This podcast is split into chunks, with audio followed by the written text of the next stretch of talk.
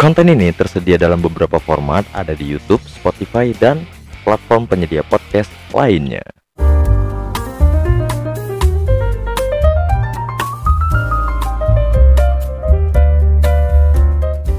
Ya, selamat datang di channel Yogi Sumarno bersama mas-mas netizen biasa. Mas-mas netizen biasa. Sekali lagi mohon maaf untuk konten yang semalam nggak jadi tayang karena uh, karena hujan lebat. Jadi aku ada kerjaan di rumah dan ya ada beberapa hal satu dan lain hal yang harus yang nggak bisa ku tinggalkan gitu. Jadi tapi uh, terima kasih buat Bir Singaraja karena kemarin tuh kan ada konten uh, di di YouTube-nya Bir Singaraja di kontennya Raja Rimba yang Gofar Hilman sama Babang Tampan Andika Mahesa kalau kalian nonton gitu kan uh, aku ngasih pertanyaan tuh kemarin di Instagramnya dan pertanyaan aku terpilih dan aku menang dapat kaos gitu. Tanda tangan Gofar Hilman dan Andika Mahesa. Aku tuh kan ngefans sama uh, Gofar Hilman ya. Jadi uh, apa pun yang terjadi sama dia sebenarnya aku ngefans sama sama apa yang diperbuatnya. Kita bisa bilang karyanya lah ya. Aku ngefans sama karyanya. Jadi aku tuh ngefans sama dia cara dia bawain acara gitu. So, ngefans ngefans itu gitu. Jadi aku senang kali walaupun cuma dapat kaos dari bir Singaraja tapi ya semoga dikirim sama bir-birnya juga ya kan? Tapi kali ini kita nggak ngomongin uh, kaos-kaosan karena kaos itu kan barang yang murah ya yang gampang didapatkan gitu. Kecuali kaos bir Singaraja ini. Tapi kalau kaos-kaos gini kan murah berapaan lah cuma kan tapi uh, mungkin kalau untuk beli kaos ini kita nggak sampai jual barang ya kan apalagi barang-barang di rumah. Nah ada nih di Bantul ya ada seorang pemuda dia mempreteli genteng rumahnya. Kalian bisa lihat di situ. Mempreteli genteng rumahnya sampai habis gitu ya. Dia mempreteli genteng rumahnya untuk dijual ke orang-orang ya dengan harga murah. Dan nggak hanya itu dia juga jual beberapa perabotan rumahnya untuk foya-foya sama cewek. Aku pikir nih anak ini pasti narkoba nih. Tapi mungkin juga narkoba sama cewek ya kan karena kan ada banyak tuh cewek-cewek yang STP sabu tukar sabu tukar P sabu tukar PP nggak maksud aku uh, dia gini ya? Nggak habis thinking aku gitu. Kenapa dia bisa berpikir untuk mempreteli gentengnya? Kalau jual perabotan oke. Okay. mungkin kalau nggak ada perabotan dia juga masih bisa tidur gitu kan. Tapi kalau dia mempreteli gentengnya untuk foya sama cewek terus dia malamnya tidur di mana? Kan dingin ya? Atau kalau hujan dia gimana? Nggak mi. Itu sebenarnya terjadi karena ibunya itu lagi kerja keluar kota dan nggak pulang selama dua bulan. Dan si D ini ya D namanya inisialnya D. Ayo kita tebak siapa namanya? Doni Dika uh, Doli uh, Denada. Lah jadi cewek enggak si D ini kan udah 24 tahun artinya dia udah cukup bisa berpikir yang baik mana yang enggak gitu kan. Eh ini kalau aku lakukan ini nanti aku gimana? Minimal untuk dia aja. Minimal untuk kebaikan dia aja. Kalau dia tadi jual perabotan berarti dia egois kan? Dia nggak mikirkan harta orang tuanya. Tapi dia kalau jual perabot genteng rumah itu kan dampak buruknya ke dia juga. Misalnya dia foya-foya sama cewek nih. Eh aku foya-foya sama cewek terus cewek datang ke rumah eh aku main ke rumah kamu lah. Kok nggak ada gentengnya anjing? Eh kok ditinggal juga sama cewek itu? Emang ini bocah-bocah goblok? Aja gitu. Aneh aneh aneh. Tapi bocah goblok ini nggak terjadi di Tarakan gitu. Ditarakan ada bocah yang tiga tahun gak naik kelas. Dengan alasan cuman gara-gara si bocah ini agamanya saksi Yehua seperti yang kita tahu. Agama di Indonesia itu kan uh, hanya beberapa yang diakui ya kayak Islam, Kristen, Protestan, Katolik, Hindu, Buddha, Konghucu itu yang diakui kan. Nah masalahnya ini kan agama saksi Yehua ini belum diakui ya. Entah katanya kabarnya sih si eh, si, si Eh, guru-guru uh, di di sekolahnya itu uh, seperti discriminate sama mereka gitu kan diskriminasi sama mereka dan menurut aku itu nggak nggak objektif karena di zaman sekarang ya kalau kalau kepercayaan itu mau gimana lagi gitu? Oke okay lah dia nggak nggak nggak mempelajarin agama agama di sekolah itu yang yang yang diakui gitu kan. Tapi kan ya agama itu doang gitu.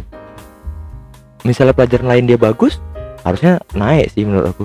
Tapi siapa tahu ya siapa tahu si bocah ini emang goblok juga gitu. Tapi enggak sih menurut aku enggak enggak ada lah Eh kalau cuman gara-gara agama menurut aku nggak fair lah. Harusnya mereka nggak nggak sampai tiga tahun juga kali ya. Atau orang tuanya bisa mindahkan dia ke sekolah lain yang lebih demokratis gitu. Ada lagi nih dua oknum polisi baku hantam sama eh, oknum TNI gitu ya. Jadi ada video tuh kan. Aku nggak mau nampilkan videonya karena terlalu terlalu apa ya memalukan sih menurut aku kayaknya ini polisi lalu lintas karena dia pakai rompi hijau gitu ya. Apa nggak semua polisi lalu lintas pakai rompi hijau? Tapi kayaknya polisi lalu lintas. Dan kita nggak tahu juga kasusnya eh, penyebabnya karena apa mereka baku hantam. Karena ketika dikonfirmasi sama eh, eh, pihak yang terkait cuman bilang eh, ini ini nggak apa-apa ini cuman salah paham aja ini salah salah paham aja. Selalu ya selalu kenapa ada kasus eh, oknum-oknum gitu cuman salah paham lah. Kayak kemarin terjadi kasus juga sama pengacara yang menghamburkan uang kalau kalian ingat. Itu juga ya ini cuma salah paham aja. Miskom miskom miskom. Eh eh ini kan eranya infor informasi informasi ya. Kenapa nggak? Dibuka aja ya. Iya ini eh, si ten si anggota TNI nya nih ditilang dan nggak mau ditilang terus tuh ribut cekcok cekcok berantem. Kan penyebab utamanya ada gitu. Nggak mungkin salah paham tiba-tiba kayaknya aku salah paham. Terus gebu-gebuan kan ada gitu ada penyebab yang buat mereka salah paham gitu. Buka aja lah ayo dong ayo dong. Jadi kita tahu tuh mana polisi yang eh eh, kompetitif sebagai polisi mana yang enggak udah kita tahu gitu. Aku gimana ya ngeri-ngeri sedep kalau kalau ada berita-berita tentang polisi ini aku nunggu si bang Panji aja di siniar hiduplah Indonesia Maya membahas tentang oknum-oknum gini. Karena kenapa? Karena nama dia udah besar dan dia dia punya pengacara. Dan dia juga punya eh, eh, sudut pandang yang bagus sih menurut aku. Jadi, jadi salah satu kiblat aku untuk ngomong juga sih. Thank you bang Panji. Kali ini diceritain dong ada seorang laki-laki yang nggak mau disebutkan namanya ya. Dia mau cerita langsung aja kita bacain. Ceritain dong. Oke langsung kita bacain ya Bang aku kan belum nikah. Bukan karena nggak ada yang mau. Aku bingung bersikap. Secara ekonomi aku cukup lah. Tampang juga nggak jelek-jelek amat. Keluarga udah mendesak buat aku untuk memilih pasangan. Gebetan ada sih beberapa. Gimana ya biar aku siap secara mental buat nikah? Oke gitu doang ya. Jadi dia mau bilang gimana cara menyiapkan mental untuk menikah gitu ya? Sebenarnya kalau kau menyiapkan sampai kapan pun nggak akan siap gitu. Mental itu nggak akan siap ketika kau ingin mempersiapkan gitu. Yang siap itu ketika kau menemukan orang yang pantas kau nikahin itu itu baru baru bisa dibilang oke aku siap nikah gitu sebenarnya. Jadi yang terjadi adalah sebenarnya kau belum menemukan aja orang yang tepat untuk kau nikahi gitu. Karena kalau gebetan kan emang belum nemu gitu. Alangkah baiknya pacarin aja salah satu dari mereka dan coba tinggal bareng lah. Enggak enggak enggak. Ya ya itu benar sih. Enggak enggak. Tapi tinggal bareng jangan seks bebas dong. Mana bisa ya kan? Orang nggak tinggal bareng aja seks bebas. Nggak maksud aku coba jalanin dulu beberapa bulan dan kau bisa tahu tuh mana kekurangan yang bisa kau toleransi di diri kau mana kekurangan kau yang bisa ditoleransi sama dia gitu. Atau mana yang cocok ngobrolnya pastikan pastikan kau untuk memilih pasangan yang cocok secara komunikasi gitu. Misalnya ide kau bisa diterimanya. Tapi memang eh, masa PDKT itu emang masa paling anjing menurut aku. Karena semuanya itu palsu gitu. Semuanya itu ki- kita lakukan hanya untuk menyenangkan atau untuk menarik pasangan untuk menarik calon pasangan kita itu. Makanya PDKT itu masa-masa paling anjing sih menurut aku ya. Tapi gitu ya si aduh nggak dia nggak sebenarnya tapi gitu maksud aku kalau kau pengen siap mental kayaknya nggak akan siap. Karena sebenarnya mental kau udah siap cuman kau tuh belum menemukan orang yang tepat untuk kau jadikan pasangan seumur hidupmu gitu sih. Tapi nggak usah mikir untuk seumur hidup lah. Untuk mikir cocok aja dulu. Karena untuk seumur hidup belum tentu juga. Buktinya KD Anang cerai. Buktinya siapa lagi? Yang dulunya katanya cocok siapa siapa siapa siapa ayo ayo ayo ayo ayo, ayo. Eh, Tengku Wisnu? Oh belum belum belum. Raffi Ahmad? Belum belum siapa lagi?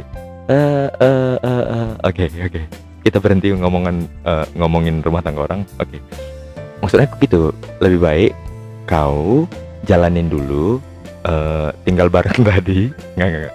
Maksudku jalanin dulu hubungan itu beberapa bulan sampai kau nemu oh oh ini dia nih orang yang tepat untuk aku jadikan pasangan seumur hidup kamu. Oke gitu aja kali ya. Eh, episode ke-14 sini aku ceritain. Jadi sampai jumpa di episode 15 sini aku ceritain. Mungkin besok insya Allah aku masih berusaha konsisten untuk di konten sini aku ceritain ya kan? Eh, buat kalian yang mau cerita juga silahkan DM aja ke Instagram aku. Dan sampai jumpa di episode 15 bye